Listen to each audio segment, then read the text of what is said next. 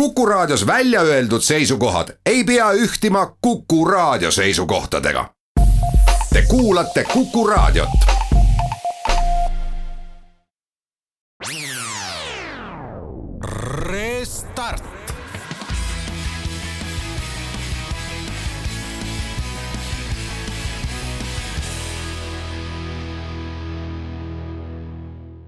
Head kuulajad, on jälle laupäev ja see tähendab, et Restardi saade on eetris. endiselt äh, istume kodudes, aga sellest ei ole midagi, sellepärast et tänapäeva tehnoloogia juures on äh, ju loomulikult kõik võimalik, on isegi raadiosaadet võimalik teha ja on võimalik saates omada kaassaatejuhti, kelleks on Taavi Kotka, tere, tere Taavi! tere, tere!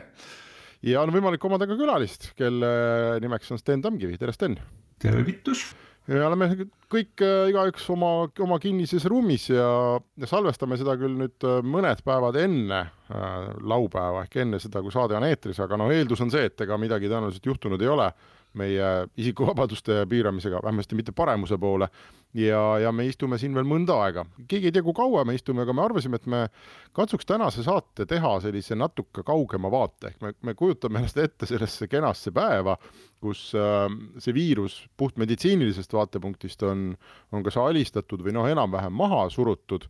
Ja, ja küsime, et mis, äh, mis sellest, mida me täna iga päev harjutame juurde, teeme raadiosaateid ja, ja tööd ja koole ja toidu tellimist ja no mida kõike on ju, reisimist teeme üle interneti ja virtuaalselt. kas see omab kõik mingit pikemaajalist sellist mõju inimkonnale ka, kas, kas nüüd jääbki nii või tegelikult oleme me väga rõõmsad ühel hetkel, kui me siit välja saame ja keegi ei taha Zoomist ja Skype'ist ja, ja nendest muudest asjadest mitte midagi kuuldagi, vaid kõik tahavad kokku saada ja üksteisele musi teha. ja vot selline saade meil siis tuleb, ma annan, Taavi, nüüd jutu äärde sulle konkreetsemalt teemale lähenemiseks sulle üle? no me leppisime kokku, et me ei hakka siin Facebooki aktsiahinda ennustama või, või selliseid äh, äh, nii-öelda rahalisi trende äh, välja tooma, et räägime puhtalt tehnoloogilisest vaatest äh,. ma arvan, sa Sten oled nõus, et esimese lainena tuleb kohe, kui kriis on seljatatud tulevad laine, kus me nii-öelda parandame ja fikseerime ja fix ime neid asju mis kriisi ajal tundus, et äh, on korrast ära või poolikud või, või parand-, parendamist. no võtame näiteks sellesama äh, kooli, äh, ütleme niimoodi, et koduõppe käivitumine oli ikkagi noh, minu peres ma vaatasin, mul tuleb lahutus, on ju, et et naine oli igaks õhtuks nii stressis, et, et kokkuvõttes nagu, et pere laguneb ära aga noh, tänaseks teise nädala lõpuks juba pilt on selgelt parem, lapsed oskavad toimetada ja kindlasti üks asi, mida siin sellest kriisist vähemalt minu pere on võitnud, on see, et et erinevate keskkondadega hakkama saamisega lapsed on märgatavalt rohkem kohanenud, kui nad olid enne kriisi, et niisugune väike võit on juba olemas. aga ütleme niimoodi, et tõenäoliselt noh, nii Eestis kui välismaal äh, tuleb mingi laine, kus äh,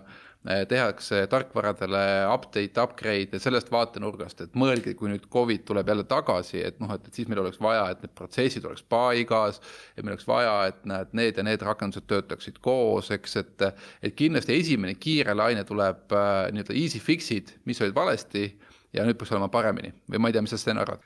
sel nädalal oli New Yorkeris äh, oli üks lugu Eestist mis oli selline naljakas nagu sihuke kehaväline kogemus natuke, et ma lugesin seda ja, ja, ja see loo point oli selles, et vaadake Eestit, kogu maailm, et kuidas seal on kõik asjad juba ette nii hästi korraldatud, nad tulevad ludina sellest kriisist läbi. ja see kontrast oli nagu päris suur sellega, et kui sa nagu Eesti sees oled ja igapäevaselt nagu inimestega suhtled ja uudiseid loed, et siis noh, need mured on meil täpselt samasugused füüsilised, kuidas eraldada füüsiliselt inimesi, äh, kust saada kaitsevahendeid, äh, mis on nakatumise tempo, kõik nii edasi. Aga, aga mida see artikkel ütles, oli see, et okei okay,, aga eestlased panna kodudesse social distancing, et siis see, mis nad sealt teha saavad, on ju kõik juba ju lahendatud et digiallkirjad e, e-koolid, kõik need asjad, milles Eesti on nagu aastakümneid nagu, nagu vaeva näinud. et meil see vundament on nii kõva, et, et tuppa kinni pandud eestlane versus tuppa kinni pandud prantslane. See, see elu normaalsus, mida nad saavad jätkata, on nagu, nagu juba, juba tegelikult öö ja päev oli selle artikli ja ajakirjaniku nagu vaade aga ma olen sinuga nõus, et, et see, et meil see vundament on paigas, et tegelikult nagu paaripäevase etteteatamisega on võimalik sada protsenti lapsi panna kodus õppima, et tegelikult see ei ole maailmas tavaline, see ei ole nagu normaalne. aga kuna meil see valmidus on olemas, siis meil, me saame tegeleda nende järgmise taseme probleemidega, et okei okay,, et kuidas stressi vähendada, milliseid keskkondi me kuidas efektiivsemalt kasutame. ma rääkisin ka ühe California sõbraga, kellel jäid lapsed koju, ta ütles, et ta pidi ühe päeva jooksul download ima, installeerima ja juurutama oma peres neliteist erinevat aplikatsiooni mida ta ei olnud kunagi kasutanud, tema lapsed ei olnud kasutanud. Ja, ja noh, see kontrast tavalise koolipäevaga oli nii suur. Eestis noh, kasutad e-kooli siis, kui su lapsed käivad füüsiliselt koolis ja kasutad siis, kui nad ei ole füüsiliselt seal ja nagu see protsessi muutus tegelikult ju nii suur ei olnud no tegelikult selles mõttes äh, ega õpetajad olid ka, ma arvan, suht paanikas, et äh, ma vaatasin ka reaalkooli tegemisi ja ja seal ikkagi juhtus sama asi, et äh, põhimõtteliselt iga õpetaja visati vette ja igaüks proovis sealt välja ujuda nii nagu juhtub, on ju, et. Äh, et kindlasti ma arvan, minu kolme koolis käiva lapse peale kokku ma sain ka neliteist aplikatsiooni, et äh, mis kõik tuli nagu nii-öelda käima panna ja ära õppida, eks, et. aga see nii-öelda silus, silustus ära, et, et, et see esimene nädal oli väga valus, aga, aga nüüd on see pilt hoopis midagi muud. Ja aga kuidas meil on selle Äh, asja nagu sisulise poolega, et ma saan aru, et puhttehniliselt, eks ole, meil see valmisolek on olnud olemas, me oleme saanud, ma ei tea, hinded toimivad, ülesanded ja jagunevad, eks ole, keskkonnad on olemas, aga, aga ma kujutan ette, et ega ikkagi seda sellist sisulist teadmist ja kogemust ju väga koolidel ei olnud, et, et kuidas nüüd neid koolitunde ikkagi läbi viia noh, niimoodi, et, et nad oleksid tundide moodi, et mitmed tuttavad mulle ütlesid, et siin ei ole midagi, et inimesed lihtsalt on pandud kodu õpp-, nagu koju ise õppima aga mingit õpetamist kui sellist ei toimu. aga vot see ongi seesama teema, et äh, mis nüüd tuleb, et, et kohe, kui kriis läbi saab või vähemalt leevendub, et äh, tehakse järeldused ja tekib mingi majanduslik nõks selle koha pealt, kus äh, nii-öelda asjade muutmist, parendamist põhjendatakse selle äh, argumendiga, et me peame järgmiseks kriisiks paremini valmis olema et noh, vaata alati me otsime majanduses mingeid põhjuseid, noh a la ma ei tea, aasta kaks tuhat probleem või oleme valmis börsikrahhiks või ühesõnaga alati on vaja mingit põhjust mingiteks muutusteks, et siin on kindlasti nagu mingi, mingi sats tuleb seda. aga ma arvan, me võiksime kaugemale vaadata, et lähme siit Eestist natuke ka eemale ja vaatame. üks üks kiire kommentaar selle juurde siiski, ma arvan, et eh, üks suur võimalus meil riigina on see, et kui majanduses on esimene abipakett tehtud Eh, ehk siis, et nendele, kes kohe väga kannatavad, anname raha või, või anname neile puhkust, maksepuhkust, nii edasi. siis ma arvan, et teine ja ilmselt kolmas abipakett, mis peavad tulema ka varem või hiljem, võikski olla suunatud mitte sellele, et nendele, kes nagu, kellel on, anname kõigile sularaha, kellel on nüüd vähem raha, on ju, sest see saab olema väga kallis ja väga sihuke nagu auku tasandav aga pigem, et mis on need kohad, mida me nüüd õppisime, et saaks paremini teha ja äkki annaks osa, osa nagu vahenditest suunaks sellesse, et hästi, hästi sihitult teha nagu neid äh, parandusi, mis aitavad järgmistes kriisides tugevalt läbi tulla aga ma tahtsin konkreetsemaks äh, natukene minna, kui me siit saame, et mis on need teenused, mis täna, noh, Sten, sina ütlesid, et välismaalased kirjutavad, et Eestis on väga hästi kõik, et me noh, et see on nagu nohu meile, see kriis on ju. et äh, mis on need teenused, mis on osutunud täna hästi töötavaks? No omalt poolt võin öelda, et vähemasti Tallinnas elades kogu selline toidu ja esmatarbekaupade infrastruktuur on, see, see on ikka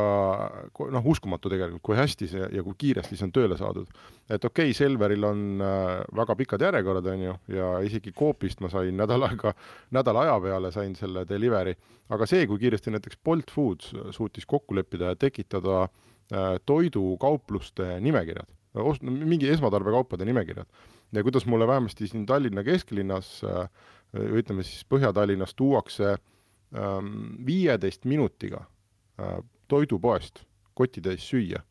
ja eile ma maksin selle transpordi eest nelikümmend kaheksa senti.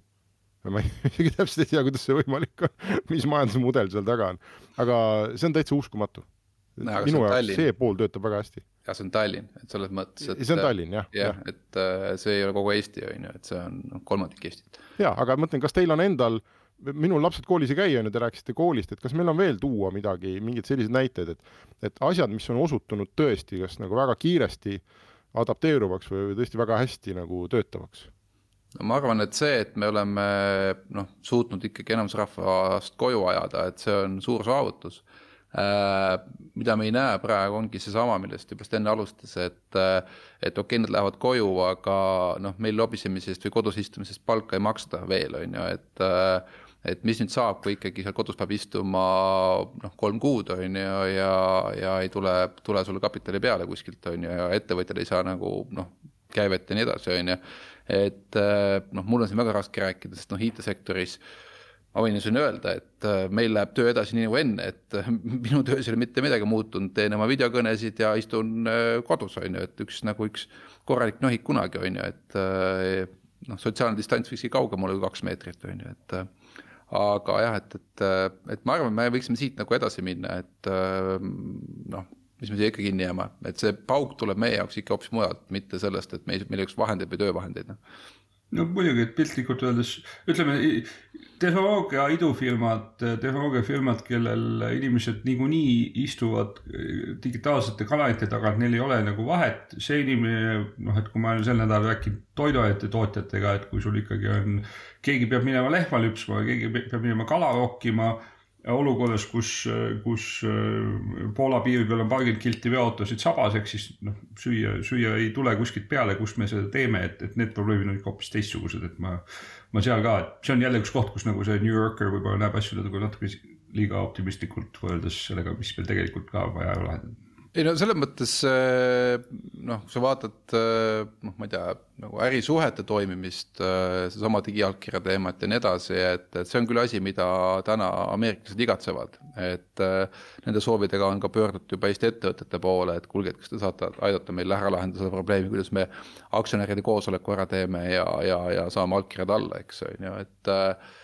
ja noh, Zoomi aktsiatõus väga hästi seda peegeldab, on ju, et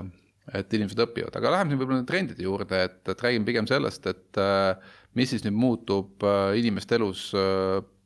toimimises noh, üleüldisemalt nende, nende aastate jooksul, et. aga teeme, teeme selle oma pa vajaliku pausi enne ära, me oleme tegelikult õiges ajas ja, ja siis lähme trendide juurde. Restart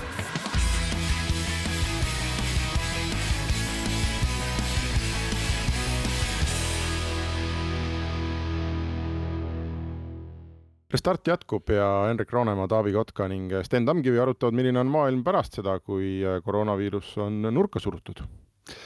me pidime rääkima trendidest, et äh, Sten, küsin sinu käest kohe, et mis äh, trendid sulle on praegu huvipakkuvad, mina jälgin väga huviga, mis hakkab juhtuma tervishoius ja tervishoiukindlustuses. et ma arvan, et sealt käib mingi raksakas läbi nüüd tänu sellele koroonale ka.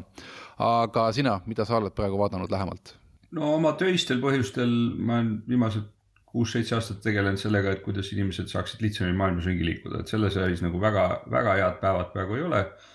Ähm, ja, ja ma olen väga palju mõelnud selle peale, et kuidas see kõik taastub ja, ja ma arvan, et siin on ka selline mõõdepunkt, et me ikkagi läheme, väljume ajastust, kus,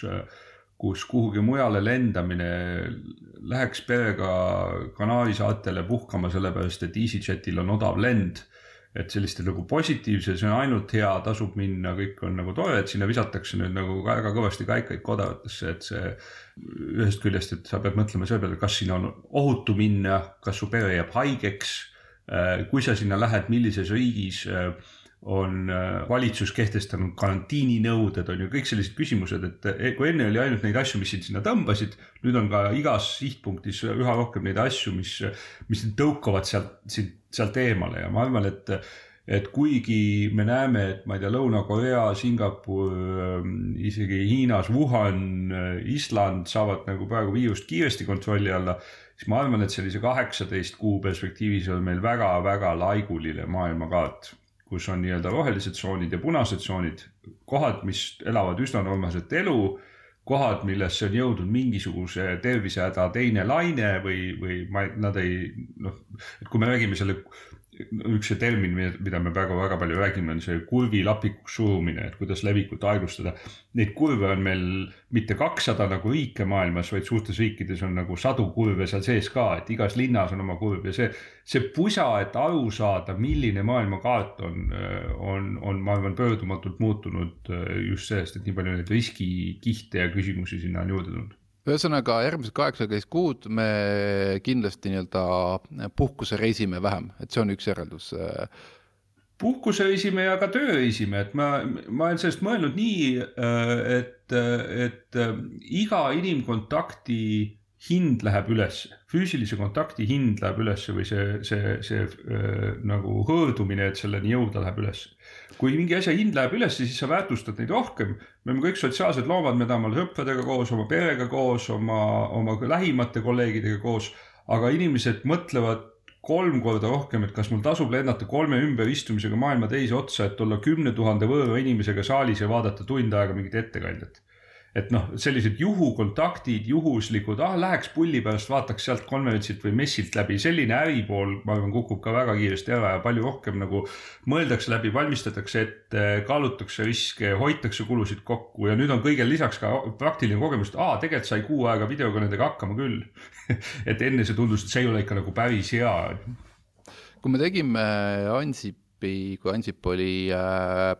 see Euroopa Komisjoni asepresident siis me proovisime läbi suruda ikkagi, et digiallkiri juurduks Euroopa Liidus äh, jõulisemalt. Ja seal oli üks oluline vastaline kogu sellel asjal äh, valdkonnas, kuidas me alguses ei saanud arugi, oli Lufthansa. ja me ei mõistnud, et, et mis see põhjus on, et miks ta tahab, et, et see asi ei juhtuks Euroopas. Ja see põhjus oligi see, et, et Lufthansa jaoks Euroopa-sisesed ärilennud on üks olulisemaid tuluallikaid et kui üldjuhul lennufirmad teenivad nagu pikkade kaugliinide pealt peamiselt, siis, siis see on Euroopa Liidu sees, Lufthansa jaoks äh, hästi oluline. Ja no ütleme ausalt, isegi teinud seda, et lähed hommikul lennuki peale, lendad Zürichisse, teed päev otsa tööd, tuled õhtuks tagasi, eks, et äh, mis noh, ka Ameerikas äh, ju täiesti normaalne, et, et ärkad LA-s, teed päevakese, ma ei tea, Houstonis tööd ja, ja lõpuks õhtuks lõpetad Seattle'is, on ju, et et äh, see saab kindlasti nüüd täna nagu paugu ja, ja tuleb välja, et tõesti, et, et noh, et milleks, et miks me lendasime nii palju, miks me raiskasime nii palju oma energiat ja aega selle asemel, et, teha nagu näost näkku ja, ja omada sinna juurde ka selliseid vahendeid, mis pärast kohtus oleksid tõendid. kas teil on, kas, kas teil on tõesti usku, et, et see ütleme, et täna me oleme siin noh, kümmekond päeva või võib-olla kes kaks nädalat, eks ole, istunud sellises olukorras ja ja noh, nagu sa, Taavi, ütlesid, et saame ju hakkama küll, aga mina ikkagi kogu aeg nagu tunnetan seda, et noh, see, et see jääbki täpselt sellele levelile, et me saame hakkama. et see ei ole nagu kuidagiviisi tore ja ja ma, mul on ka mingi selline taju, et kui ma istuksin teiega stuudios, siis me teeksime sellise viiskümmend protsenti parema saate ja, ja võib-olla pärast räägiksime veel omavahel juttu ja me vahetaksime mingit infot ja oleks igatpidi nagu parem et äh, kas te arvate, et inimesed ütlevad, okei okay,, this is good enough, mis me praegu teeme, et nii jääbki. mina ennustaks vastupidi, et kõik tormavad ikkagi äh, välja ja tahavad seda rohkem üksteisega kokku saada, sest me saame nüüd sellise,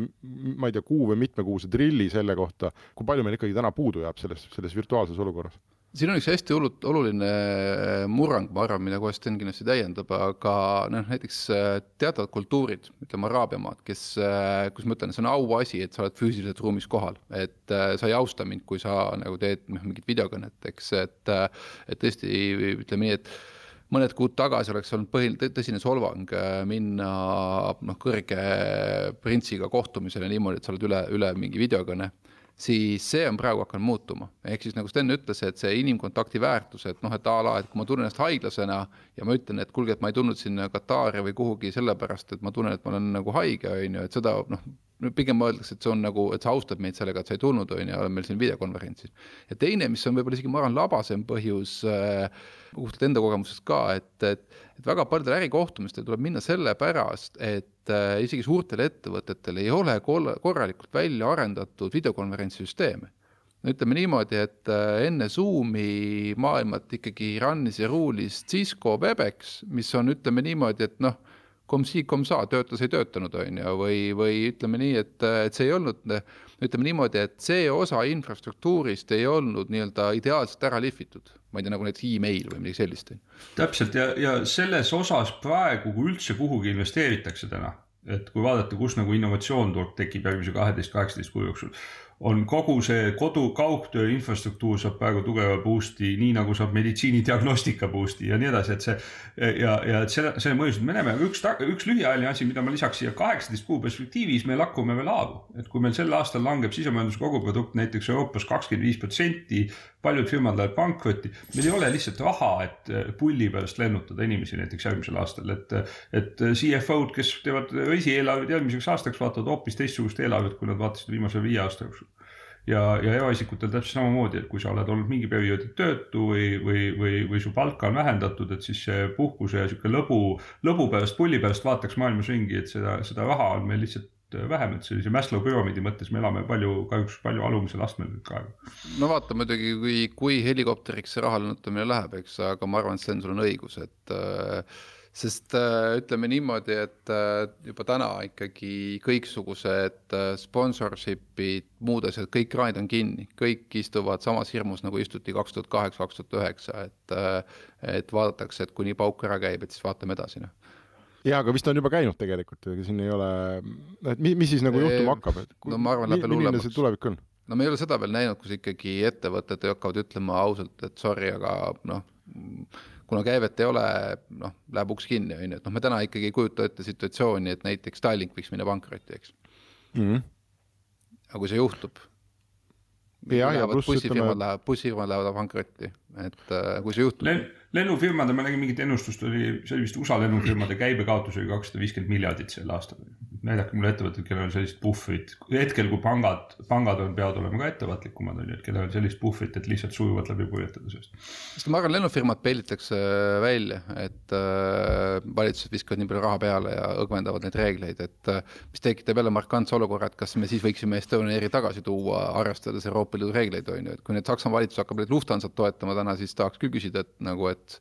mida, mida kuradit. no õnneks meil on juba üks firma, mida noh, mida saabki toetama asuda, eks ole, Regional Jeti nime all.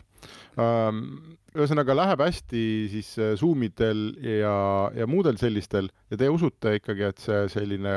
kodukontoris või ka lihtsalt kontoris istumine ja mitte reisimine, et see, mida me täna nagu harjutame siin, et sellest saab mingis mõttes nagu uus norm, kas ma sain õigesti aru teist? See muutub palju pragmaatilisemaks, et see, see kogu selline nagu sihuke pehme jutt, et äh, ikka päriselt näost näkku oleks nagu parem. et noh, seda võetakse nagu palju suurema lusikatäie soolaga, et, et noh, kui on vaja, siis käiakse ja tehakse ja kui ikka seda hädavajadust ei ole, siis on teada, nüüd me oleme tõestanud, et me saame neid asju ajada teistmoodi ka. Aga paneme selle hädavajaduse punkti kuhugi, et kui äh, sa lähed, äh, ma ei tea, uut klienti rääkima, mingi tohutu suur asi no mina küll esimest korda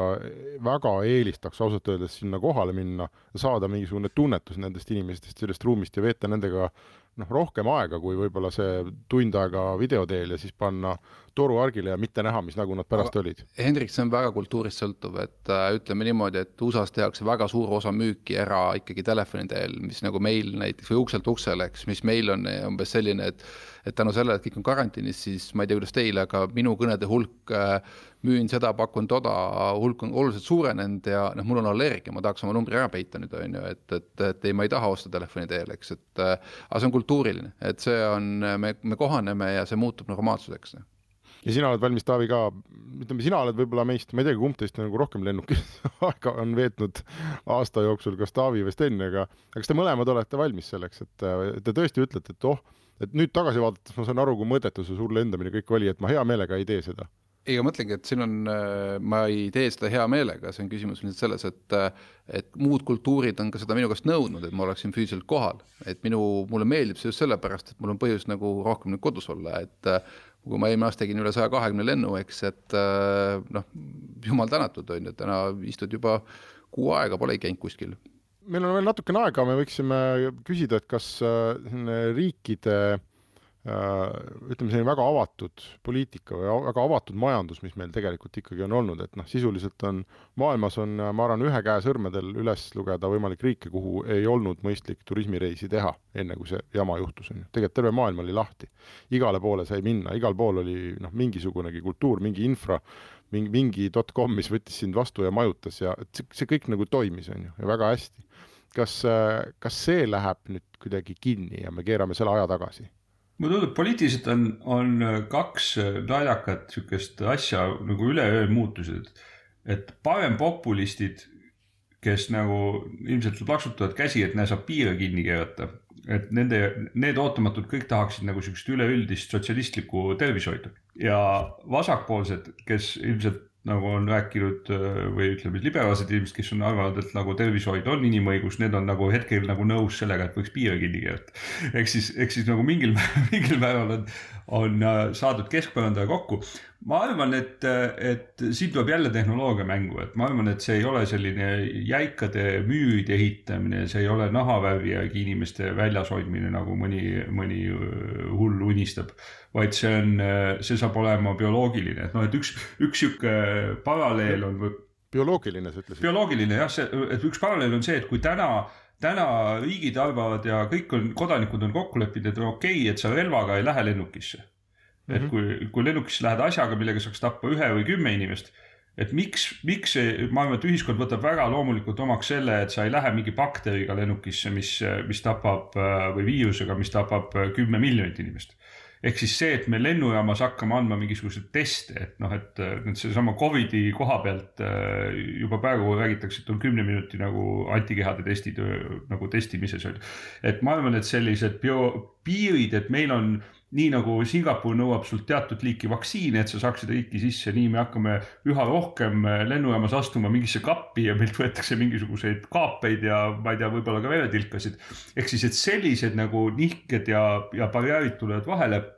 ja, ja see, ma arvan, kiirendab näiteks biotehnoloogias, ma, ma näen, et järgmisel paaril aastal on tohutu boost, sest ootamatult on, on ühest sellisest natukene keerulisest ja raske aru saada ja vähesed oskavad sinna isegi investeerida ja suured farmad on võimsad et selles, selles valdkonnas täna nüüd ootamatult on, ma arvan, et eelarved lähevad mõneks aastaks sellise rahvusliku julgeoleku ja sõjaväe eelarvete tasemele ja kui kuskil nii, nagu, nii nagu pärast äh, seda, seda nine elevenit äh, oli sihuke lennujaama testimisväravate, läbivalgustusradarite, kogu sellesse innovatsiooni paisati nagu tohutu kiirusega mingisuguseid miljardeid dollareid, et ma arvan, et täpselt samamoodi nüüd bioloogia bioloogia saab olema meie elus äh, ja biotehnoloogia saab olema meie elus hoopis teistsugusem ja argipäevasem ja, ja kättesaadavam ja, ja mm. -hmm. see on suur muutus. võib-olla läheb passi üks number juurde, mis, mis on null või üks ja näitab, kas sa oled põdenud või ei ole ei, aga selles mõttes see ei ole naljakas üldse, et äh, ma ei teinudki nalja, ma täitsa tõsiselt mõtlen. Uus-Meremaa näiteks on kaitsnud oma loodust äh, niimoodi ikkagi juba kümneid, et ma isegi mäletan, kuidas mu golfikingad korjati kohvrist välja, pesti puhtaks, et igaks juhuks, et äkki seal küljes on mingeid seemneid äh, mingist muust kontinendilt, eks. aga me peame siit pausi tegema jälle.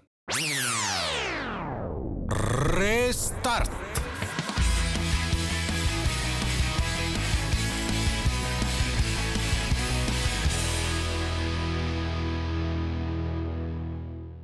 Restart läheb edasi ja me räägime täna maailmast äh,, ilusast maailmast, mis äh, hakkab olema siis, kui me oleme viiruse seljatanud. Taavi Kotka, Hendrik Roonemaa ja Sten Tamkivi on saates.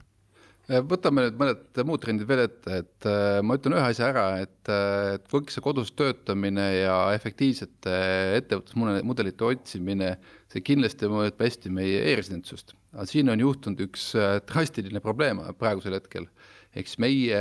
e-residentsuse väljastamise mudel või protsess äh, Eesti riigi poolt äh, eeldab füüsilist kokkusaamist. ehk siis sa pead tulema konsuli juurde, andma sõrmejäljed, äh, kontrollitakse veel pass üle, antakse sulle kaart välja, eks, et ja pumps, see kõik on kinni, sellepärast ju keegi on, kõik on karantiinis ja keegi kuskile tulla ei saa, on ju. ehk siis iseenesest täna vajadus selliste mudelite järgi on kasvanud aga me ruttu-ruttu peame siin ka riigina oma protsessid ümber disainima selliseks, et äh, saaks seda digitaalset identiteeti välja anda virtuaalselt, et äh, kas siis videointervjuu näol või mingil muul moel, eks, et äh, et selles mõttes ka üks niisugune huvitav positiivne trend Eesti jaoks. jaa, kahtlemata. kas on veel mingeid trende, mida me võiksime välja tuua? tervishoid. tervishoid? Tervishoid jah, see noh, näiteks ka täna, et kui me igal pool maailmas näeme ja Eestis, et, et inimesed, kes näevad endal mingeid haigussümptomeid ja tahavad testida ja, ja ei saa teada, mis neil viga on. et, et see, ma arvan, sunnib tervishoidu minema palju kiiremini sellise detsentraliseerumise poole ja kui ma ei tea, kõik need idufirmad, kes on üritanud teha mingit virtuaalset perearsti ja videokõne teel diagnostikat, et see on üks valdkond iga inimene, kes kannab, ma ei tea, Fitbiti või Oura või kellegi neid tervise track imise asju, mis siiani nagu loevad samme ja täna on piisavalt palju juba numbreid, et praktiliselt iga Covid diagnoosiga inimene, kellel on Oura sõrmus, tegelikult kaks päeva enne on näinud nagu sealt mingeid signaale, et, et, et ta on haigeks jäämas ja, ja noh, see on lihtsalt vaja nüüd tarkvarakihiga nagu ära katta niimoodi, et sul, sul, sa ei peaks ise mõistatama mingisuguseid kehatemperatuuri või hingamissageduse numbreid vaadates, vaid et su telefon suudab sulle automaatselt öelda, et nüüd on see hetk, et mine tee nagu tõsisem test, pluss see kõik on jagatud nagu inimeste vahel, et ei, vähem on tsentraalse haigla küsimus, ma arvan.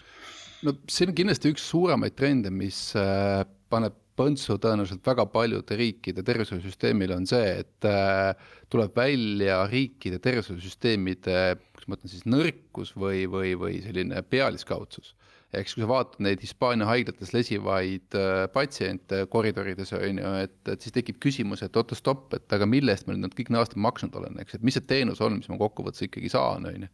et äh, ma kogun meeletus koguses datat ja siis, kui häda on käes, ma maksan väga suuri makse, on ju, ja kui häda on käes, siis tegelikult on see teenus ikka sihuke lipa-lapa, on ju, et inimesed ei, aga Taavi, aga see, see on ju teenus, tervishoiusüsteem on nagu pank, ta on ju optimiseeritud mingile tasemele ja, ja noh, kui toimub bank run on ju, siis, siis on pank nagu selili. Ja täna, mis selle Covidiga toimub, on lihtsalt tervishoiusüsteemi nagu see ICU run toimub lihtsalt. ühesõnaga, ma tahangi tuua välja, et äh, mõningaid trende, mis välja, maailmas on juba juhtuma hakanud, aga tänu Covidile, ma arvan, lähevad veel äh, rajumaks seesama Aura sõrmus, millest Sten rääkis, äh, see data jookseb täna kuhu? Silicon Valley'sse, seal on äh, California mingi. Soome ei, selles mõttes, see, mina just andsin, firma on Soome, aga data praegu, konsendi mina andsin mingi California haiglale, kes, kes selle data kõik enda kätte saab. ja kokkuvõttes see, kuidas ma ütlen siis, tervishoiupartner kes hakkab minu andmetest aru saama, noh, ma ei tea, minu unekvaliteet ei ole praegu nagu maailma parim, et eh, tahaks paremat kvaliteeti saada, kes hakkab sellega tegelema, kes nagu nii-öelda sõna otseses mõttes nagu hoolitseb selle eest, et ma püsiksin terve eh,, hoolitseb minu perekonna eest, et inimesed hakkavad seda rohkem väärtustama, et eh, mitte seda esmatasandit, et oi, et kui ma nüüd haigeks jään, et noh, et, et siis ma saan ravi mis on praegune süsteem, sest ütleme, tänane süsteem on ikkagi selles mõttes nagu täiesti katki, et et kas või Eesti tervishoiusüsteemi näitel äh, noh, kui ma võtan kapitalistlikust vaatenurgast, siis PERH on huvitatud, et ma võimalikult palju satuksin haiglasse. noh, kui me võtame kapitalismi vaate, noh inimlikult nad kindlasti ei taha, et ma satun, aga ütleme, kapitalisti vaade oleks, et jumala eest, et tule mitu korda, ma saan sulle teenust korduvalt müüa, eks, et ja iga teenuse eest ma saan raha ja see on mu motivatsioon samas kui Kanadas näiteks täna juba haiglatele makstakse selle eest, et sa saad rohkem raha, kui patsient ei pöördu tagasi mingi aja jooksul. Mhm. ehk siis sa oled ära ravinud et noh, korras on ju, et, et, et inimesed hakkavad kindlasti rohkem väärtustama seda, et äh, noh, omaenda tervist, oma pere tervist ja nad hakkavad otsima lahendusi, mis on seotud sellega, et kes suudab minu noh, kõik mu Fitbiti, kõik muud datat nagu kokku koguda, kõik mu kaalud ja nii edasi ja suudab nagu nii-öelda hoida mulle või anda mulle, pakkuda mulle rohkem äh, tervelt elatud elu ja täna ma olen aidanud siin mõningaid Šveitsi kindlustusfirmasid, äh, ma juba näen tekkimas tooteid, kus, mis on märgatavalt odavamad, mis, kui näiteks see, et maksta Eesti riigile, äh, mis see protsent on, mis meil läheb äh, tervishoidu, see oli päris raju, palgast. noh, kui sul on viie tuhande eurone palk, see on, ma ei tea, kas tuhat või natuke alla või? No see oleks maksuv kolmkümmend kolm pool, kolmkümmend neli protsenti. ei, aga seda võtab Entsi. jah, et siis ja. sellest mingi kakskümmend või jah, et äh, vist natuke vähem oli see, et aga ühesõnaga mõte ongi selles, et kui see summa on nii suur, et kui ma maksan sadu eurosid kuus äh, selle eest, et ma kokkuvõttes ikka pean erialaarsti vastuvõtule, kui ma tahan kohe saada veel ekstra juurde maksma, on ju äh,. see, et äh, tegelikult kõik see data, mis ma kogun enda kohta, oma pere kohta, seda kedagi ei huvita, on ju. Äh, kui ma just otseselt haige ei ole, siis minuga keegi ei tegele äh,. Noh, selles mõttes, et see on nagu, see on eilne päev. Ja inimesed on... hakkavad küsima nagu, et, et kas ma saan kolmesaja euro eest midagi teistmoodi, noh. See on, see on selles suhtes huvitav jälle, et üks viis nagu tulevikust mõelda on see, et, et mõelda, mida, kuidas kirjeldaksid tuleviku ajaloolased tänast. ja, ja ma arvan, et noh, et see kaks tuhat kakskümmend nagu jällegi see meditsiini koha pealt on täpselt selline murdepunkt, et kõik need asjad, mida sa Taavi loetlesid, nendest on eksperimente tehtud ja keegi, mingi üks eesrindlik arst kuskil räägib ja Kanada katsetab ja nii edasi aga et kui tuleviku ajaloolased viiekümne, saja aasta pärast kirjutavad sellest aastast, siis ma arvan, et see on üks nendest asjadest, mille kohta öeldakse, et pärast paarikümne aastast ettevaatlikku katsetamist läks asi massidesse. et, et pärast paarikümne aastast ettevaatlikku katsetamist hakkasid inimesed tegelikult internetti kasutama, et, et see, see, see on niisugune no, väga järsk, järsu nurgu, nurgaga, nurgaga pööre, ma arvan jah, sest ütleme, õeteenuse pärast mina ei muretse siin riigis, et kokkuvõttes, kui inimene jääb haigeks, siis talle hoolitsust on ikkagi vaja, on ju, et aga arstide vaatenurgast ma küll nii positiivne ei oleks, et äh, ikkagi jätkuvalt, et äh, kui mul on kogenum arst videosilla läbi ja teda toetab siin Eestis nagu füüsiline süsteem selle koha pealt, et noh, mingi õde paneb mulle õige rohuveini, on ju, äh, vastavalt arsti ettekirjutusele, et see hakkab neid trende muutma ja kokkuvõttes inimesed ikkagi hakkavad küsima, et äh, kui ma maksan nüüd tuhat eurot kuus ja noh, see teenus on niisugune nipa-napa versus ma maksan kolmsada eurot kuus, ma saan minna suvalisse haiglasse üle, üle maailma, on ju, mul on kõik parimad arstid kättesaadavad, mul on õeteenus olemas kakskümmend neli seitse kohe, kui vaja. ühesõnaga hakkavad nagu ikkagi võrdlema, et, et noh, need õunad siin, mis mul siin korvis on ja need õunad, mis mulle väljapool pakutakse, et, et kumb siis võidab ja kui siin peaks nüüd bank run toimuma, ehk siis ma sõna otseses mõttes nagu noh, ma võin ju jätta endale, ma ei tea, viie tuhande euro asemel palga asemel tuhande eurose palga ja siis äh, noh, ikkagi saada tervishoiusüsteem, kindlustussüsteem, aga osta täiendav äh, äh, kindlustus endale näiteks Šveitsist on ju, siis see pilt ei ole üldse enam nii ilus. Ja neid trende ei tohiks nagu eirata, et öelda, oh no ei, meil ei juhtu, meil jääb see kõik ikkagi vanaviisi, no ikka ei jää noh kas see, see suur selline globaliseerunud majandus,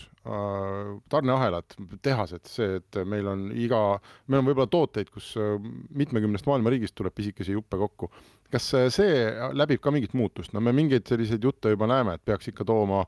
oluliste asjade tootmise oma riiki tagasi ja, ja et sellega väga kaugele muidugi veel jõutud ei ole.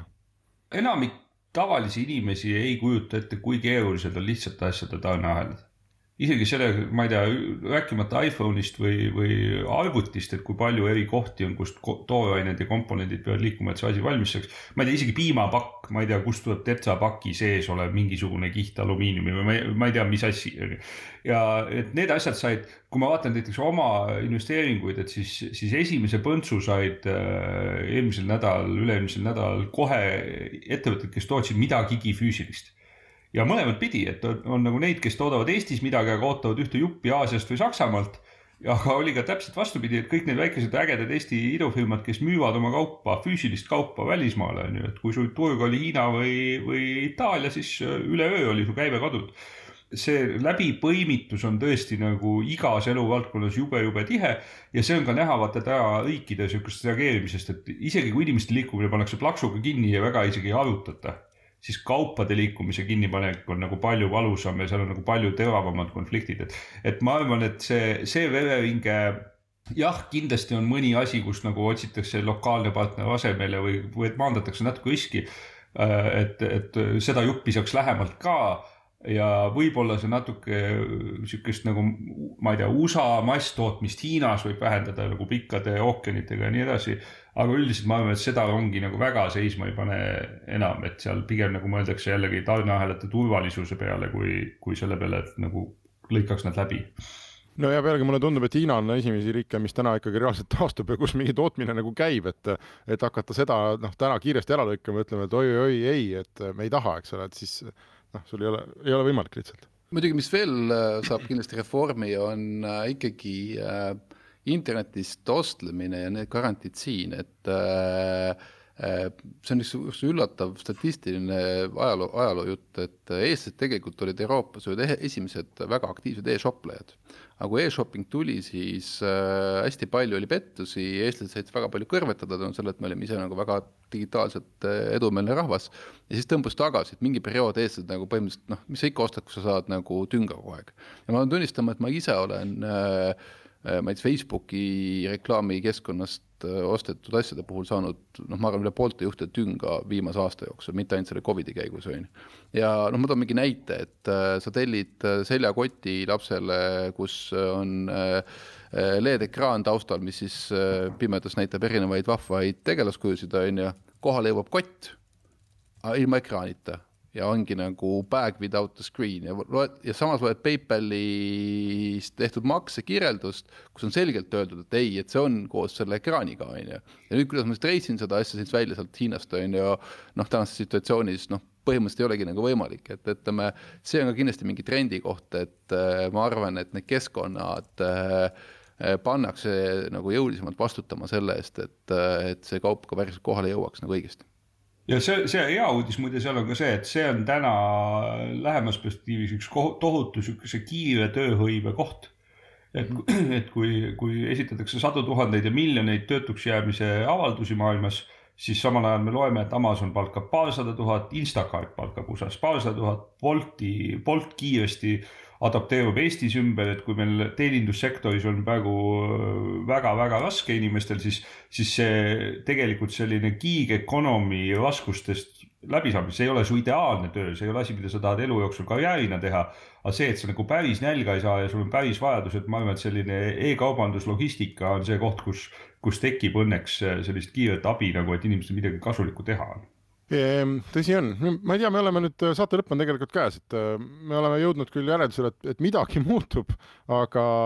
aga ilmselt tõde on ju kuskil vahepeal, et, et igaveseks me niimoodi kodudesse istuma ei jää ja ma arvan, meist tegelikult ju keegi ei naudi noh, nii äärmuslikku olukorda, nagu see täna on, aga, aga mingid muutused ilmselt tulevad ja, ja mingeid, ma ei tea, väärtusi me vaatame ümber. me kindlasti jääme lihtsamalt äh, koju tulevikus, et ükskõik kui sul täna või noh, ma ei tea, mõned kuud tagasi pereliige oli haige ja noh, isegi natuke köhisid, siis läksid ikkagi tööle, on ju, et siis, et siin kindlasti mingi, mingi trend muutub, et isegi kui sa ise oled hooletu ja lähed tööle, siis su töökaaslased vaatavad sulle otsa, ütlevad, et mida sa lollakas teed siin, on ju, et noh, et täiesti vastutustundetu, on ju ma ütleks, üks, ütleks üks asi, millega me siit veel lahkume sellest jamast, kui see läbi saab, on, on see õppetund. me suudame inimkonnana järsult oma käitumist muuta ja järskude kriiside, näiteks me ei ole kuskile tegelikult keskkonnaprobleemid kuhugi lõplikult kadunud. see aitab, et meil on nagu sadu lennukeid vähem õhus praegu ja, ja CO2 ehitatakse vähem. aga kui maailm naaseb oma tavaliste elurütmide juurde, siis tegelikult paljud nendest probleemidest jäävad või eskaleeruvad. ja siis meil on nagu üks, üks kogemus, kuidas nagu, kui me tahame, siis me suudame inimkonnana nagu, nagu muuta reegleid käigu pealt ka no pluss me saame datat, mida meil siiamaani ei olnud, et äh, noh, kui keegi väidab, et oi, et kui me võtaksime lennukid maa peale, on ju, et kuidas läheks kõik paremaks, on ju, noh hea ilus unistus on ju, nüüd on meil äh, reaalselt, ma arvan, kaks-kolm aastat tuleb teadustöid nagu Vändruseid lauda Vändrast on ju, et. et äh, kus siis saab ära analüüsida, et kui palju läheb siis paremaks, kui tehased ei tööta Hiinas või kui palju läheb paremaks, kui lennukid, lennukite lendamist vähendada nagu kõik kuuskümmend protsenti, eks, et. täpselt selge, aga meie saateaeg on läbi, ma tänan kõiki äh, osalejaid ja loomulikult kõiki kuulajaid ning äh, kindlasti kohtume nädala aja pärast. Restart.